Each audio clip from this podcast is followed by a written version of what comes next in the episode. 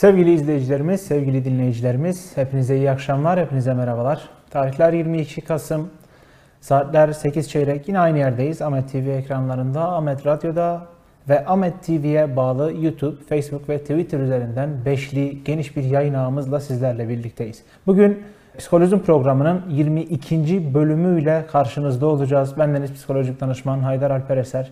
Programın bugünlere kadar gelebilmesini sağlayan, destekleyen, ilgi gösteren sizlere program girişinde küçük bir teşekkür ederek başlamak istiyorum. Hepiniz sağ olun, var olun. Umuyorum desteğinizle çok daha iyi yerlere, çok daha yüksek yüksek rakamları söyleyebileceğimiz bölümlere ulaşabileceğiz sizlerin vasıtasıyla. Bugünkü programımızın yeni bir konusu, güncel bir konusu yok. Çünkü geçen hafta küçük bir aksaklık sonucunda yayın süremiz biraz kısalmıştı ve duyurusunu yapmış olduğum seçimler sonucunda duyurusunu yapmış olduğum yayın konusunu tam olarak aktaramamıştım. Geçen hafta aslında uyku evrelerini, uyku problemlerini, bozukluklarını yahut hastalıklarını nasıl adlandırmak isterseniz ve en sonunda da daha kaliteli bir uyku için neler yapmamız gerektiğini, neler yapabileceğimizi, bunların tabii çok basit, çok daha böyle ev içerisinde yapılabilecek şeyleri anlatmak istemiştim. Bugün uyku evrelerini çok kısa özetledikten hemen sonra diğer iki konuyu anlatacağım ve zamanımız kalırsa aslında uykunun psikoloji içerisindeki yerini, psikolojik anlamdaki önemini anlatmak isteyeceğim. Birkaç tane şöyle motto vereceğim bugün sizlere. Umuyorum bu mottolar ilerleyen dönemlerde ya da bugün itibariyle düşüneceğiniz ya da uygulayabileceğiniz uyku ritüelleri ya da uyku kalitenizi arttırma konusunda hepimizin, hepinizin işine yarayacaktır, işinize yarayabilir diyelim. Şimdi çok kısa geçen haftadan istemiş olduğumuz, yapmış olduğumuz, anlatmış olduğumuz şeyleri özetleyelim. Biz uyku evreleriyle başlamıştık geçen hafta. 21. Ee, bölümümüzde hatırlarsanız uyku evrelerini iki ayrı bölüme ve beş ayrı evreye ayırmamız gerektiğini söylemiştim. Bunların hani geçen haftanın kaydını, yayınını te, tabii ki izleyebilirsiniz ancak bu hafta anlatacaklarım için bir temel oluşturuyor bunlar. Bu nedenle hani videoyu durdurayım, çıkayım, gireyim ya da kanal içerisinde canlı yayında devam ederken böyle bir imkanımız olmayacak diye ben çok kısa özet geçeceğim. İki ayrı bölümümüzün ilk bölümünde ilk dört evre, ikinci bölümünde ise sadece beşinci evre yer alıyordu. Bunlarda REM ve NREM, işte Türkçe'de N, R, E ve M şeklinde yazılan hızlı göz hareketlerinin İngilizce baş harflerinin kodlanmış hali. Bunu tek tek uzun uzun anlatmayacağım. Hepimiz İngilizce bilmek zorunda değiliz ya da süre kazanmak için de yapabilirim bunu zamanlamayla. Bu ilk dört evrede biz non-REM yani hızlı göz hareketleri gerçekleştirmediğimiz dönemlerden bahsetmiş. Özellikle ilk, ilk evrede başlangıç evresinin daha kısa sürebileceğini, belli bir işte dönme ya da duraksama sürecinden sonra uykunun ilk hafif dönemleri olduğunu, bireylerin çevresel uyarıcılara, ışıklara, seslere, özellikle onu bedenen rahatsız etmeye çalışan yahut rahatsız etme potansiyeli olabilecek şeylere karşı daha nazik, daha donanımlı olabileceğini söylemiştim. Yani uyku sırasında biz birçok konuda daha donanımlıyız. Daha herhangi bir şey olduğu zaman karşı koyabilecek durumdayız. Özellikle ilk evre için bu çok daha geçerli. Yaşadığımız bir durum vardı ilk evre içerisinde. Tam böyle uykuya dalabilecek düzeydeyken bir kere de sanki çok büyük bir uçurumdan, çok büyük bir boşluktan aşağıya düşüyormuşuz gibi, sanki çakılacakmışız ama çakılmadan bir kere de sıçrayıp uyanıyormuşuz gibi bir hal yaşıyorduk. Ee, bunun cevabının aslında çok gizli olduğunu, böyle bir bilmece haline geldiğinden bahsetmiştik. İki tane ayrı cevabı vardı. Birincisi nörolojik bağlamda e, bunun aslında vücudun tüm hareketlerinin yavaş yavaş azalmaya başladığını, vücut ısısının düştüğünü, kalp atış hızının düştüğünü ve beyinle vücut arasında, beyinle beden arasında bir çatışma ortamının çıktığını, daha e, mizahi bir dilde söylemeye çalışırsam, beynin bedeni öldüğünü düşünmesi sonucunda bir yüklü bir elektrik gönderdiğini bedene ve bedenin o elektriği alıp o düşme hissinden sonra aniden uyandığını, yine aynı şekilde uyandıktan sonra değerlerinin, nabızlarının, vücut ısısının belki de arttığını ve beynin evet e, içerisinde bulunduğum beden yaşıyormuş ya da hükmettiğim tırnak içerisinde beden yaşıyormuş deyip bir sonraki uyku geçişlerinde bunu yapmayı kestiğini söylemiştik. İkinci durum evrimsel psikolojiyle ilgiliydi. İlk evre önemli olduğu için hızlıca değineceğim yine. Evrimsel psikolojide diyorduk ki kardeşim senin ataların daha öncesinde işte ağaç kavuklarında, ağaç dallarında falan yaşıyordular. Gece uykularını da orada uyuyordular. Hatta işte bir sürü bir sürü insanlar oralardan düşüp ölmüşlerdi zaten. Uyku sırasında uzanmış oldukları daldan dönerken boşluğa doğru düşüyorlar. Yere çakılıp ölümle sonuçlanıyor. Bu ancak yere çakılıp ölmeden önce bir korku geliştirmişler. Çok çok eski zamanlarda. Bunlar evrim yoluyla, kalıtım yoluyla çocuklarına, torunlarına vesairelere vesairelere geçmiş ve bugün sen de onların bir torunları olduğun için direkt dede ilişkisi olmasa da en azından soyun oradan devam ettiği için sen de evrimsel mantıkta bunu almış ve hayatına entegre etmişsin diye yorumlanabiliyordu bu dediklerimiz. İkinci evre ilk evreye göre daha uzundu, üçüncü evreye göre daha kısaydı. Derin uykunun hafif hafif başlayabildiği en azından ilk evredeki o olumsuz durumların yaşanmadığı, bunlara biraz biraz daha değinilmesi gereken yerlerdi. İnsanın örtülme ihtiyacıyla ilgili olan kısmı çok hafif dillendirmiştim. Birazdan daha da anlatacağım. Üçüncü ve dördüncü evrede bizleri derin uykuya doğru yönlendiren, artık gecenin daha ilerleyen saatlerinde olan dönemlerdi. En iyi uykunun gece 11 ile 3.30-4 aralığında olduğunu söylemiştik. Söylememişsek dahi en azından şu an hatırladığım için üzerinden geçiyorum. Bu evrelerde Özellikle birçok hormonal bezin, Latince saymayacağım tek tek, e, mutluluk, rahatlık, işte o yorgunluğun geri emilimini sağlayabilecek hormonlar yahut küçük yaş grubu için, çocuklarımız, evlatlarımız için düşündüğümüz zaman büyümenin özellikle gerçekleşebildiği, tabi buna ışık ve sesin çok fazla etkili olduğunu, daha uygun ortamlarda bu büyümenin daha net, daha rahat gerçekleşebileceğini söylemiştik, aktarmıştık. Buraya kadar aslında dört tane, ilk dört evrenin, birinci, ikinci, üçüncü, dövre, dördüncü evrenin oluşturduğu alan bizim birinci bölümümüzdü. Program başında şundan bahsetmiştim evreleri anlatırken. Uyku iki evrede anlatılırdı. İkinci evrede sadece bir evre, ikinci bölümde özür diliyorum. İki, iki bölümde anlatılırdı. İkinci bölümde sadece bir evre vardı. Bu bir evre yani ikinci bölümün tek evresi bizim beşinci evre dediğimiz REM uykusu diye tabir ettiğimiz yer. Nedir REM? REM Rapid of Eight Movements diye İngilizce çevrilen onların baş harflerinin alınıp kodlandırıldığı ve Türkçe'ye birebir çeviride hızlı hızlı göz hareketlerinin yapıldığı evrenin aslında anlatıldığı alan. Dediğim gibi geçen hafta bahsetmiştim Aralık ayında belki Aralık sonlarına doğru bu evre içerisinde çok ciddi yeri olan rüyalar üzerine bir program yapmayı düşünüyorum. Çünkü rüyalar e, psikolojinin biraz magazinsel boyutu, insanların merak ettiği bir boyut. Biraz içerisinde kehanet iddiası taşıyan, geç, geçmişten belki bazı çıkarımlar yapmamızı ya gelecekle ilgili bazı şeyleri görmemizi ve sosyal yaşantımızda ona göre konum almamızı gerektiren alanlardan biri şeklinde görülüyor herkes tarafından. Bazen onlardan biz de etkilenebiliyoruz. Herkeste yaşadığı böyle uç boyuttaki duygular gibi. Şimdi 5. evrede rüyalar evresi aslında. REM uykusunda hızlı göz hareketleri dediğimiz şu. Biz gözümüzü kapatıyoruz. Uyku sırasında devam ettiriyoruz bunu. Hocam bazı durumlarda insanlar gözü açık uyuyabilir mi? Elbette uyuyabilir. E, hocam bazı durumlarda gözlerimizi kapatma ya da açıp kapatma gibi hareketler yapabilir miyiz? Birazdan uyku bozukluklarını, uyku sorunlarını çok hafif değinmeye çalışacağım. Orada daha rahat anlayabiliriz. Önce 5. evreyi tamamlayalım. 5. evreye devam ederken gözlerimizi kapatıyoruz ancak gözlerimiz, göz kapaklarımız değil, gözümüzün içi, iç kısımda hareket etmeye başlıyor. Bu hızlı göz hareketleri beynin gözün önüne getirmiş olduğu görselleri hızlıca tarıyor.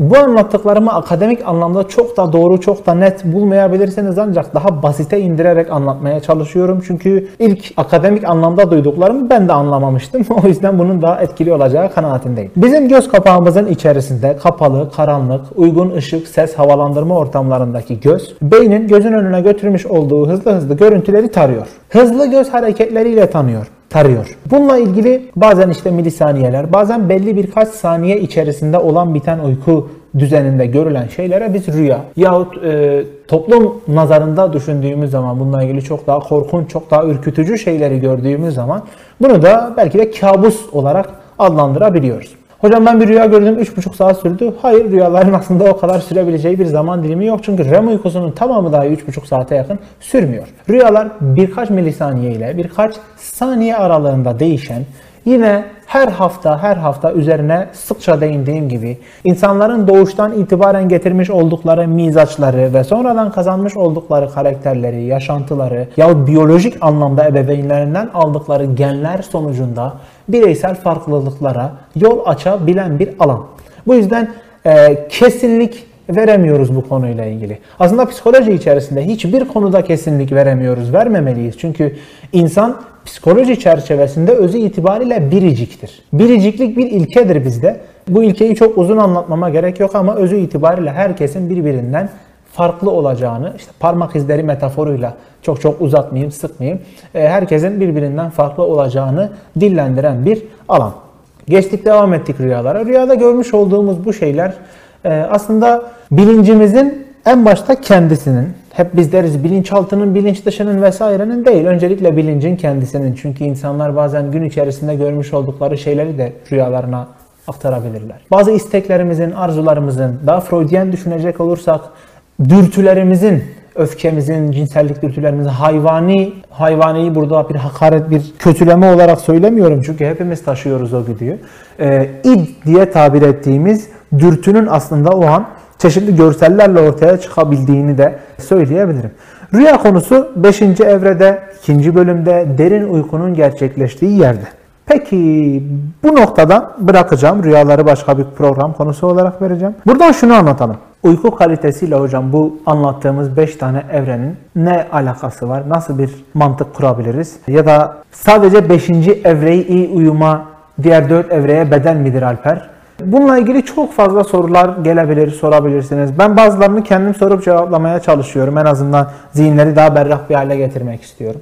Şimdi 5. evre aslında kaliteli uykunun yani insanlar için daha nasıl tabir edilebilir halk arasındaki söylemlerle, bizim kendi yaşantılarımızda kurduğumuz söylemlerle derin uykunun, sağlam uykunun, çok güzel uykunun hani uyandıktan sonra yorgunluğumuzu hissetmediğimiz, uyandıktan sonra tekrar uyku isteğimizin olmadığı, günün yorgunluğunu attığımız ve bir sonraki zamana yani uyandığımız ilk andaki zamana daha güçlü, daha dirençli başlayabileceğimiz bir alan. Bu bizler için çok çok önemli çünkü uyku kalitesi yaşam kalitemizle çok eşdeğer. Programın ilk başında söylediğim mottolardan biri az önce söylediğim cümleydi aslında. Uyku kalitesi yaşam kalitesiyle çok eşdeğer, çok aynı. Yani kaliteli bir uyku uyuyabiliyorsanız yaşam kaliteniz de aynı ölçüde artacak. Bu dediğim şeylerin ekonomik yapılanmayla yahut manevi anlamdaki hislerle bir ilgisi, bir alakası yok. Sadece beden ve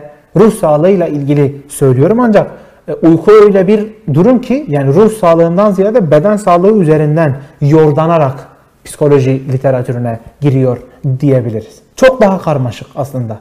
Yani bizim işte yattık kalktık şunu yaşadık bunu yaşadık şunu düşündük bu oldu diye aktarabileceğimiz durumdan daha farklı.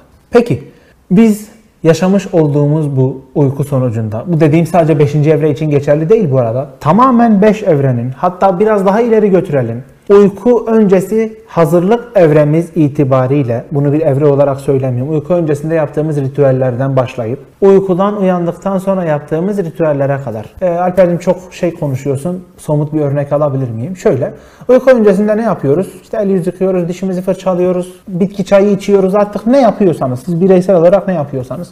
Uyku sonrasında ne yapıyoruz?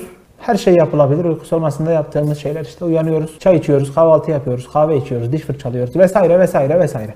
Bu günlük yaşantımızda bizim için bir rutine dönüşüyor mu dönüşmüyor mu? Asıl bakmamız gereken nokta orası. Evet bunlar bizim bir rutinimize dönüştürüyor. O zaman ben kalite bakımından bu biyolojik olarak, nörolojik olarak değil. Sadece uyku kalitesi bakımından uyku öncesindeki ritüelleri ve uyandığımız andaki ritüelleri tüm bu evreler içerisine dahil edebilirim. O zaman bu kısmı akademik olarak lütfen düşünmeyin ya da bilimsel olarak lütfen düşünmeyin ama şu meydana gelebilir. Bizim 5 tane uyku evremiz vardı. Evet. Bir tane uykudan önceki hazırlık ritüelimiz var. Ona uyku öncesi evre diyelim. Tamam. Bir tane de uyku sonrasındaki ritüellerimiz var. Tamam. Buna da uyku sonrası ritüel ya da uyku sonrası evre diyelim. Tamam. O zaman bizim iyi bir uyku kalitemiz için toplam 7 ayrı aşama gerçekleştirmemiz gerekecek. 7 ayrı aşama sonrasında da insan bir sonraki güne, bir sonraki zaman dilimine dair hem ruhsal, en önemlisi bu çünkü onun için buradayız, onun için yapıyoruz programı. Hem de bedensel gibi görünen ancak uzun vadede o bedensel de ruhsallaşıyor. Bedenselin ruhsallaştığı daha zor bir tanım ama bunu anlayabilmek durumundayız. Yani şu bedenen o kadar yorgunuz ki bir süre sonra bu bizde bir kronik yorgunluk yaratıyor ve işte çalıştığımız, yaşadığımız yerlerde bu bir problem haline geliyor ve bakıyoruz strese dönüşmüş. Bu stres uzun vadeye geliyor, kronik strese dönüşüyor. Bedenen olan her problem maalesef maalesef ruh sağlığına, psikolojiye yansıyor. İyi, kötü, az, çok, miktarı, boyutu, pozitif negatifliği, göreceliği önemli değil ama bir şekilde yansıyabiliyor. Peki biz Nasıl daha iyi uyuyabiliriz? Uyku kalitesiyle yaşam kalitesi arasında bir benzerlik, bir oran orantı formüla, formülasyon var mıdır? Elbette. Az önce bahsettiğim mottodan hareketle tekrar dillendireceğim bunu. Uyku kaliteniz yaşam kalitenizle eşdeğer aslında.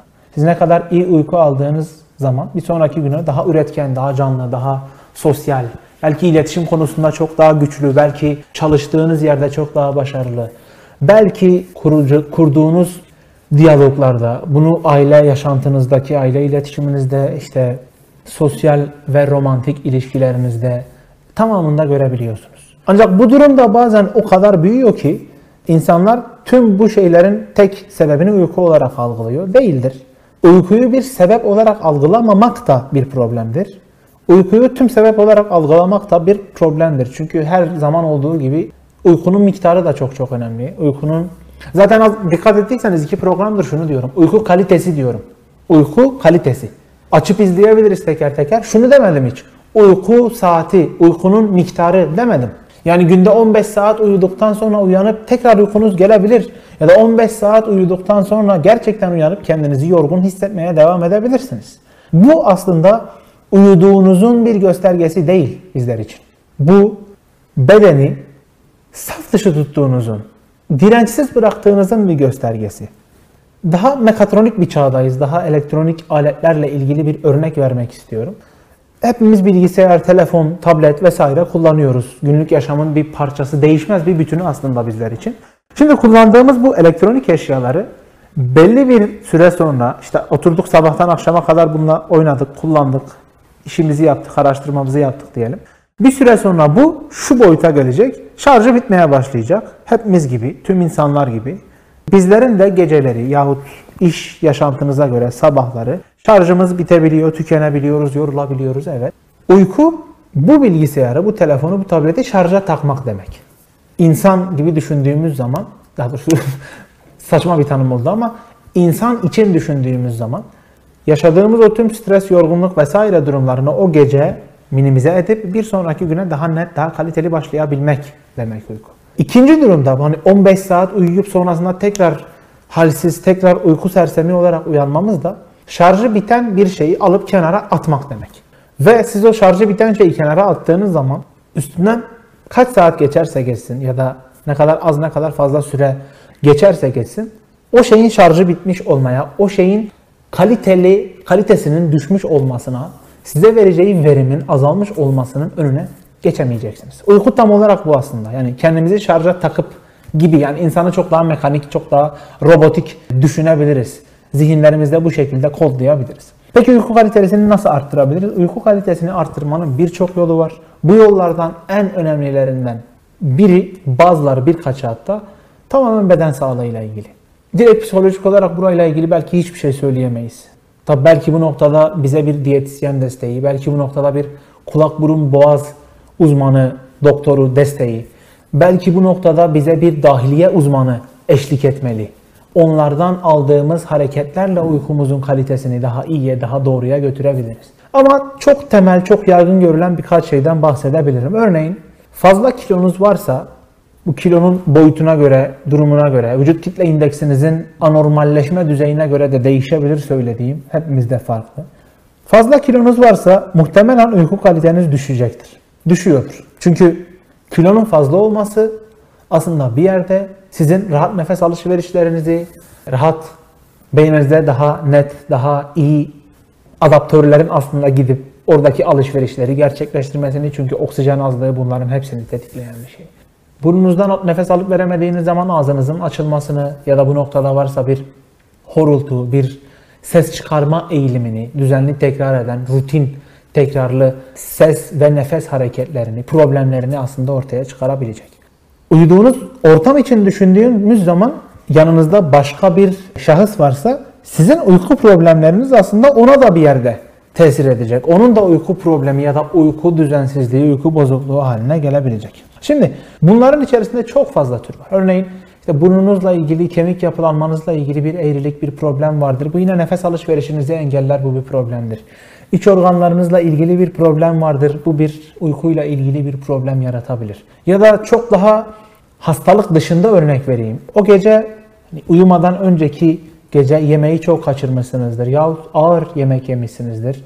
Bu mide bağırsak emilimlerinizi ağırlaştırmıştır, yavaşlatmıştır. Ağrı yaşıyorsunuzdur, şişkinlik yaşıyorsunuzdur. Bu bir problemdir. İyi uyku alamadığınız zaman biz sadece o saat diliminin bizden çalındığını düşünüyoruz aslında. Ama uykuyu iyi alamadığımızda sadece o saat dilimi değil bir sonraki gün içerisindeki belli saat dilimleri de bizden gidiyor. Yani bugün sabahın 6'sına kadar uyuyan, ay uyumayan, sabahın 7'sine kadar işte güneş doğana kadar uyumayan, sonrasında uyuyan, uyanan bir insanın bir sonraki gün içerisindeki faaliyetlerini net, doğru, kesin gerçekleştirebilmesi zor. Tamam ama benim işim öyle ya da işte ben o şekilde yaşamaya alıştım. Buna davranmak zorundayım. Düzeltebiliyorsunuz, el, düzel, düzeltebiliyorsanız elbette bunu değiştirebilirsiniz, düzeltebilirsiniz. Ancak yine bu noktada sonuç odaklı bakabilmenin faydası var. Sizi daha mı mutlu ediyor? Bu şekilde daha mı üretken oluyorsunuz bazı insanlar çünkü gerçekten geceleri bu noktada daha iyidirler, daha üretkendirler. Bunlar çok çok önemli. Uykuyla ilgili, uyku kalitesiyle ilgili konuşabileceğimiz çok şey var. Çok Yine dediğim gibi akademik bilimsel olmamakla beraber uyku öncesinde içilen bir takım bitki çaylarının bireyi daha sakinleştirdiği, daha aslında iyi bir, daha olumlu bir havaya bürüdüğünü, bunların işte daha yaygın kullanılanlardan ekinezyadır, nergizdir, melisadır vesairedir gibi bitki kökenlerinin, papatya çayı gibi bitki kökenlerinin, tohumlarının belki de çay olarak tüketilmesi faydalı olabiliyor. Günün belli bir saatinden sonra bir şeyler yenilip içilmemesi ya da ağır şeylerin yenilip içilmemesi gerektiği aslında uyku konusunda çok çok önemli. Dediğim gibi bunlar çok daha böyle sabah programlarında dahi duyabileceğimiz küçümsemek için söylemiyorum ama herkes tarafından bilinen şeyler o yüzden programda ekstra ekstra dillendirmeye gerek yok. Peki psikolojik anlamda bir problem yaşatır mı bize uyku ya da uyku içerisinde görülen psikolojik ya da psikolojik temelli en azından problemler var mıdır? Vardır elbette. Bunlardan birkaç tanesini sayacağım. Çok çok ismen bazen bilmemiz gerekecek. İşte insomnia, parasomnia, uyku apnesi, Bunlarla nasıl baş edebiliriz? Bunların çözüm yolları nelerdir? Ya da uyku kalitemizi belki arttıramıyorsak bile uyuduğumuz ortamı belki dizayn edebilir miyiz? Yine bu da aynı şekilde keza dolaylı yoldan uyku kalitesine etki eden türlerden biri. Şimdi Amerikan Hastanesi üzerinden bazı veriler aldım. Burada e, şunu diyor, Koç Üniversitesi temelinde gerçekleşen bir çalışma bu. İnsomnia'nın tanımını vermiş. Insomni, insomnia değişebiliyor tanımı. Diyor ki uykuya dalamama veya uykuyu sürdürememe, sık sık uyanma ve tekrar uyanmama tarzında şikayetler ile giden bir bozukluk. Genetik uygun olmayan uyku davranış bozulduğunda ve alışkanlıklara bağlı olabilir. Yani aslında düşündüğümüz zaman yorgun bir gün sonrasında ya da iyi bir uyku alamadığımız zaman hepimiz bu şikayetleri az çok Görüyoruz, söylüyoruz, dillendiriyoruz. Sabah uyandığımızda şöyle bir geriliyoruz ve diyoruz ki uykumu alamadım. Ya da daha işi mizahi boyuta varıyoruz. Diyoruz ki ya ben bugün neden uyandım? Daha eski bir diziden örnek vereyim mesela. Çocuk uyandığı zaman şunu demişti ya acaba hiç beklemeyi bir tur daha mı uyusam, bir gün daha mı uyusam? Çünkü uyuduğumuz şey boşa gidiyor. Dediğim gibi bilgisayarı şarja takmıyoruz da kenara fırlatıyoruz gibi. Bu insomnia'ya eşlik eden, e, eşlik eden ya da tam tersi olarak söyleyebileceğimiz bir başka tür var. İlki uyku konusunda problemdi. Uyuyamama konusunda aslında uykuya dalamama, derin uykuya geçememe konusunda bir problemdi. İkincisi de aşırı uykululuk. Hipersomi, hipersomnia. Bu da değişebiliyor ismi. Diyor ki adının da belirttiği gibi aşırı uyku ihtiyacı ve isten dışı uyku durumları şeklinde kendini gösteren bir bozukluk. Kişi günde 10-12 saatten daha uzun süreli uykuya ihtiyaç duyar ve buna bağlı olarak da sosyal ve iş hayatı zarar görebilir. Tamam, sosyal iş hayatımız elbette 10-12 saat uyuduğumuz zaman zarar görecek. Çünkü onlar için ayırabileceğimiz gün 24 saatlik süre içerisinden bir süre kalmayacak. Peki kişi bazı durumlarda aniden uykuya dalabilir mi? Mesela iş yerinde bir kere de pat ya uykuya dalabilir mi? Ya da artık yığılırcasına vaziyette ve ortada hiçbir ağır yük, ağır iş bindirmesi olmaksızın bir kere de uykuya dalabilir mi? Evet. Psikolojik temelli olarak gördüğümüz şeyler uyku konusunda aslında çok daha nörolojik tahliller bize verebiliyor, sunabiliyor. Bu da bir başka uyku problemlerinden biri. Uyku apnesi dediğimiz şey de biraz daha oksijen, işte ağız burun yapılanması, yastık açısı ile ilgili olan bir türle anlatılıyor. İşte çok horlaması bizim tabirimizle ya da uykunun kesilmesi, bir kere de böyle nefes çıkmayacak duruma gelmesi uyku apnesi olarak söyleniyor. Ama bunun da dediğim gibi biyolojik boyutunun, tıbbi boyutunun olmasının yanında nörolojik anlamda da bir tahlillendirme, bir analiz yapılması gerekiyor. Bunlarla ilgili yapılacak olan şeyin net nedeninin ne olduğu bilinmiyor. Bu mecradan birçok problemle ilgili temel sebepler söylemeye çalışıyorum ancak uyku çok daha bireysel, çok daha hassas bir tür. Ve sizin uyku probleminiz şu alandadır, bizim uyku problemimizin temeli şudur, problem temeli şudur diyemiyorum. Bunlar dediğim gibi çok daha bedensel şeyler. Bazen insanlar uyku sırasında bu bir başka problem olarak vücutlarındaki uzuvları kontrol etmekte güçlük çekebiliyorlar. Özellikle özellikle hızlı bacak, çapraz böyle nasıl hareketli bacak sendromu diye çevrilen aynı şekilde latincesini vermeyeceğim. Bir bozukluk da var. Kişi uyuyor aslında bir problemi de yok. Derin uykuya da dalabiliyor aynı şekilde ama o kadar el, kol ve özellikle bacak hareketleri gelişiyor ki bu kişinin kendisine uyuduğu ortam çerçevesinde zarar verebiliyor. Çocuklarda bazen bu görüldüğü zaman daha geniş yataklar, daha yumuşak etraflı yapılanmaları tavsiye ediyoruz. Bu ettiğimiz tavsiye de aslında psikolojik bir şey değil. Çocuk en azından bir yere uzvunu çarpmasın, canı acımasın, uykudan daha kötü uyanmasın diye. Çünkü çok kötü uyanılan uykular da bazen bireylerde e, ufak çaplı ya da diyorum bir haber alındıktan sonra uyanılan uykular dahi bazen bazen travmatik etki yaratabiliyor. Uyku bu noktada çok daha kıymetli, çok daha hayati. E, uyku fazı kayması, uykuda periyodik uzuv hareket bozukluğu çok fazla dediğim gibi problemler, uy uyuyamama, aşırı uykuluk, horlama, nefes duraklaması, gece terlemesi, sık tuvalete kalkma, kalkma mesela. Bu aslında ürolojik ya nefrolojik bir problem olabilir. Yani böbrekle ilgili olan bir problem belki sizin uyku kalitenizi, uykunuzu sekteye uğratabilecek duruma sizi getirebilir. Sık sık uyandığınız zaman derin uykuya geçme sürecinizi uzatabilirsiniz ya da derin uykuya belki hiç geçmeden uyanabilirsiniz. Bu da o bilgisayarı şarj etmeyecek. Yine aynı şekilde bir köşeye fırlatacaktır. Bunun dışında uykuda ağız kuruluğu ve burun tıkanıklığı bu çok yaygın görülen, belki en yaygın görülen yerlerden biri bu.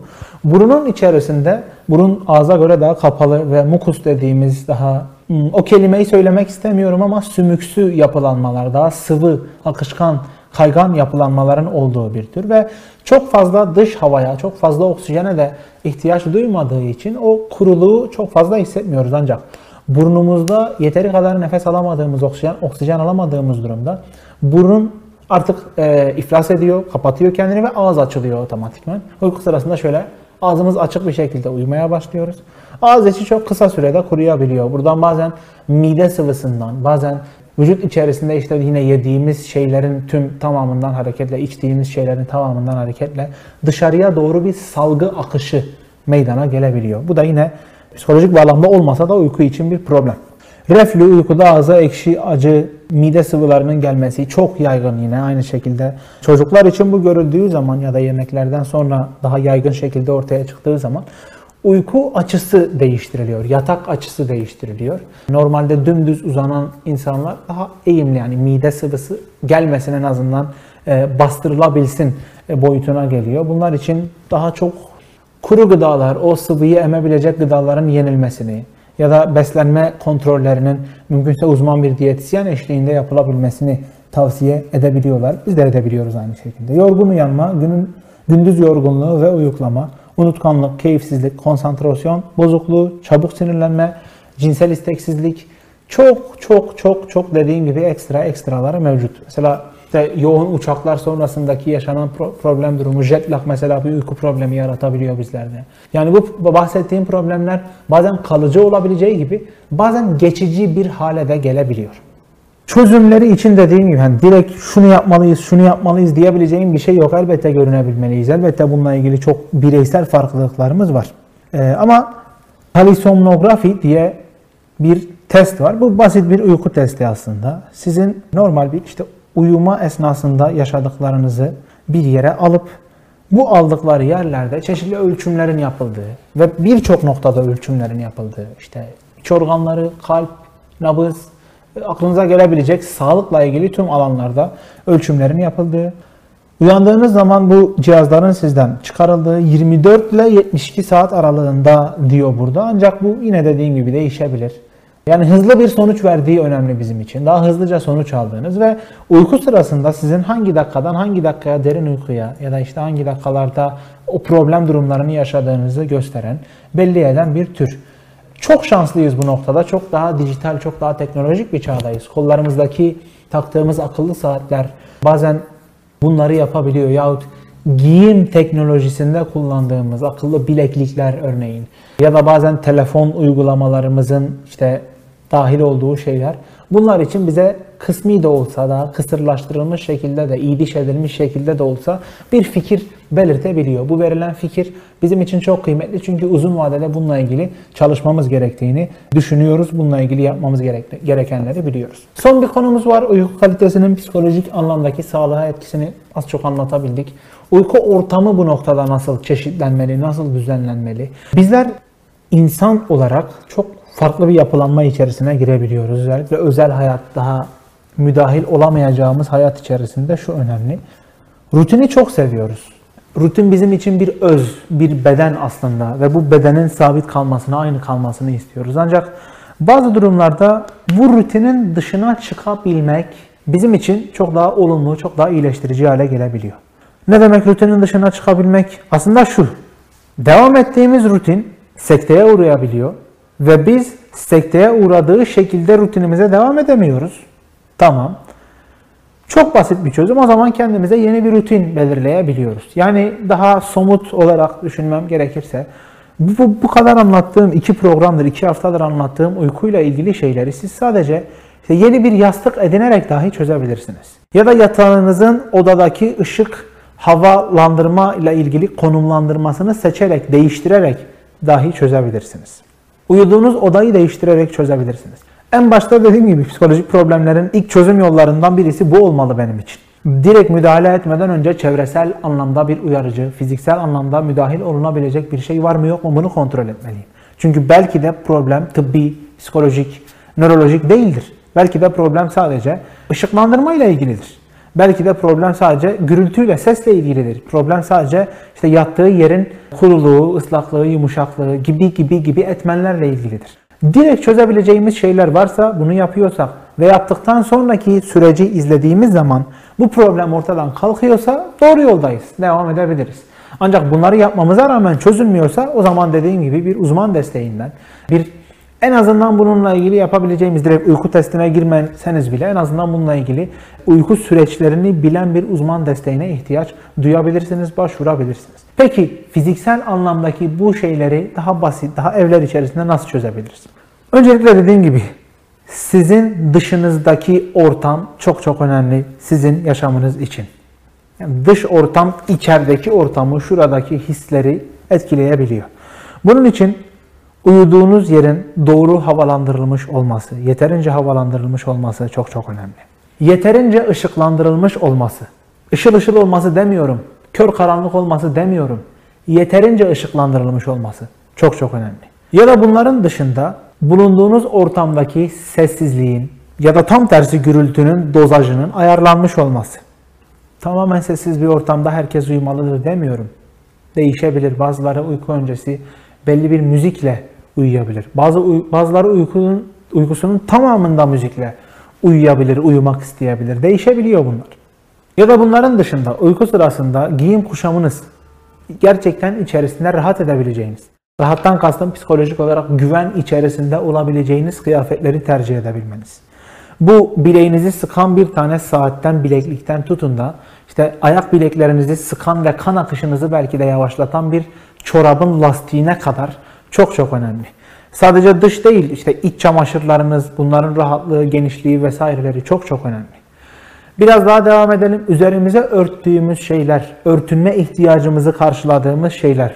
Örtünme ihtiyacı ne demek? Örtünme ihtiyacı bireylerin uyku sırasında üşüme hislerinden, işte vücut ısısının düşmesi sonrasında açığa çıkan üşüme ihtiyacını giderebilmesi için üzerlerine almış oldukları, içerisine girmiş, altında kalmış oldukları bir çeşit örtünün altında kalması. Çok basit. Varoluşsal manada biraz daha açıklayabiliriz. Birey uyku sırasında kendini daha boşlukta, daha güvensiz, daha tehlikede hissedebilir. Bireyin tehlikede hissettiği bu durumlarda dış çevreyle, uzak çevreyle olan ilişkisini, iletişimini bir paravan vasıtasıyla kapatmak ister. Kendini koruma altına, güvence altına almak ister. Örtünme ihtiyacı bundan ileri gelebilir. Özellikle yazın çok çok sıcak olduğu zamanlarda da bazı insanlar örtünmeden uyuyamaz. Ben de onlardan biriyim. çok sıcak olsa dahi üzerime mutlaka bir şey almalıyım. İçerisinde terleyeceğimi ileri dönemlerde bilmeme rağmen. Ancak o örtünme ihtiyacı varoluşsal anlamdaki o boşluktan çıkabilme, uyku sırasındaki güvenimizi, ortamımızı, huzurumuzu yerine getirebilme bizler için çok çok önemli. Bunu da geçtik, devam edelim. Son birkaç bir şey söyleyip yavaş yavaş toparlayacağım programı. Ortamla ilgili şeylerde üzerimize örttüğümüz şey çok önemli. Bizim mesela bulunduğumuz bölgede Kürt nüfusu çok fazladır ve bizim yorganlarımız, işte üzerimize attığımız şeyler çok meşhurdur. İşte ünlü ünlü battaniyelerimiz vardır bununla ilgili. Ama bazen bir bir şey çıkarırlar mesela 10 kilo 15 kilo bir şey.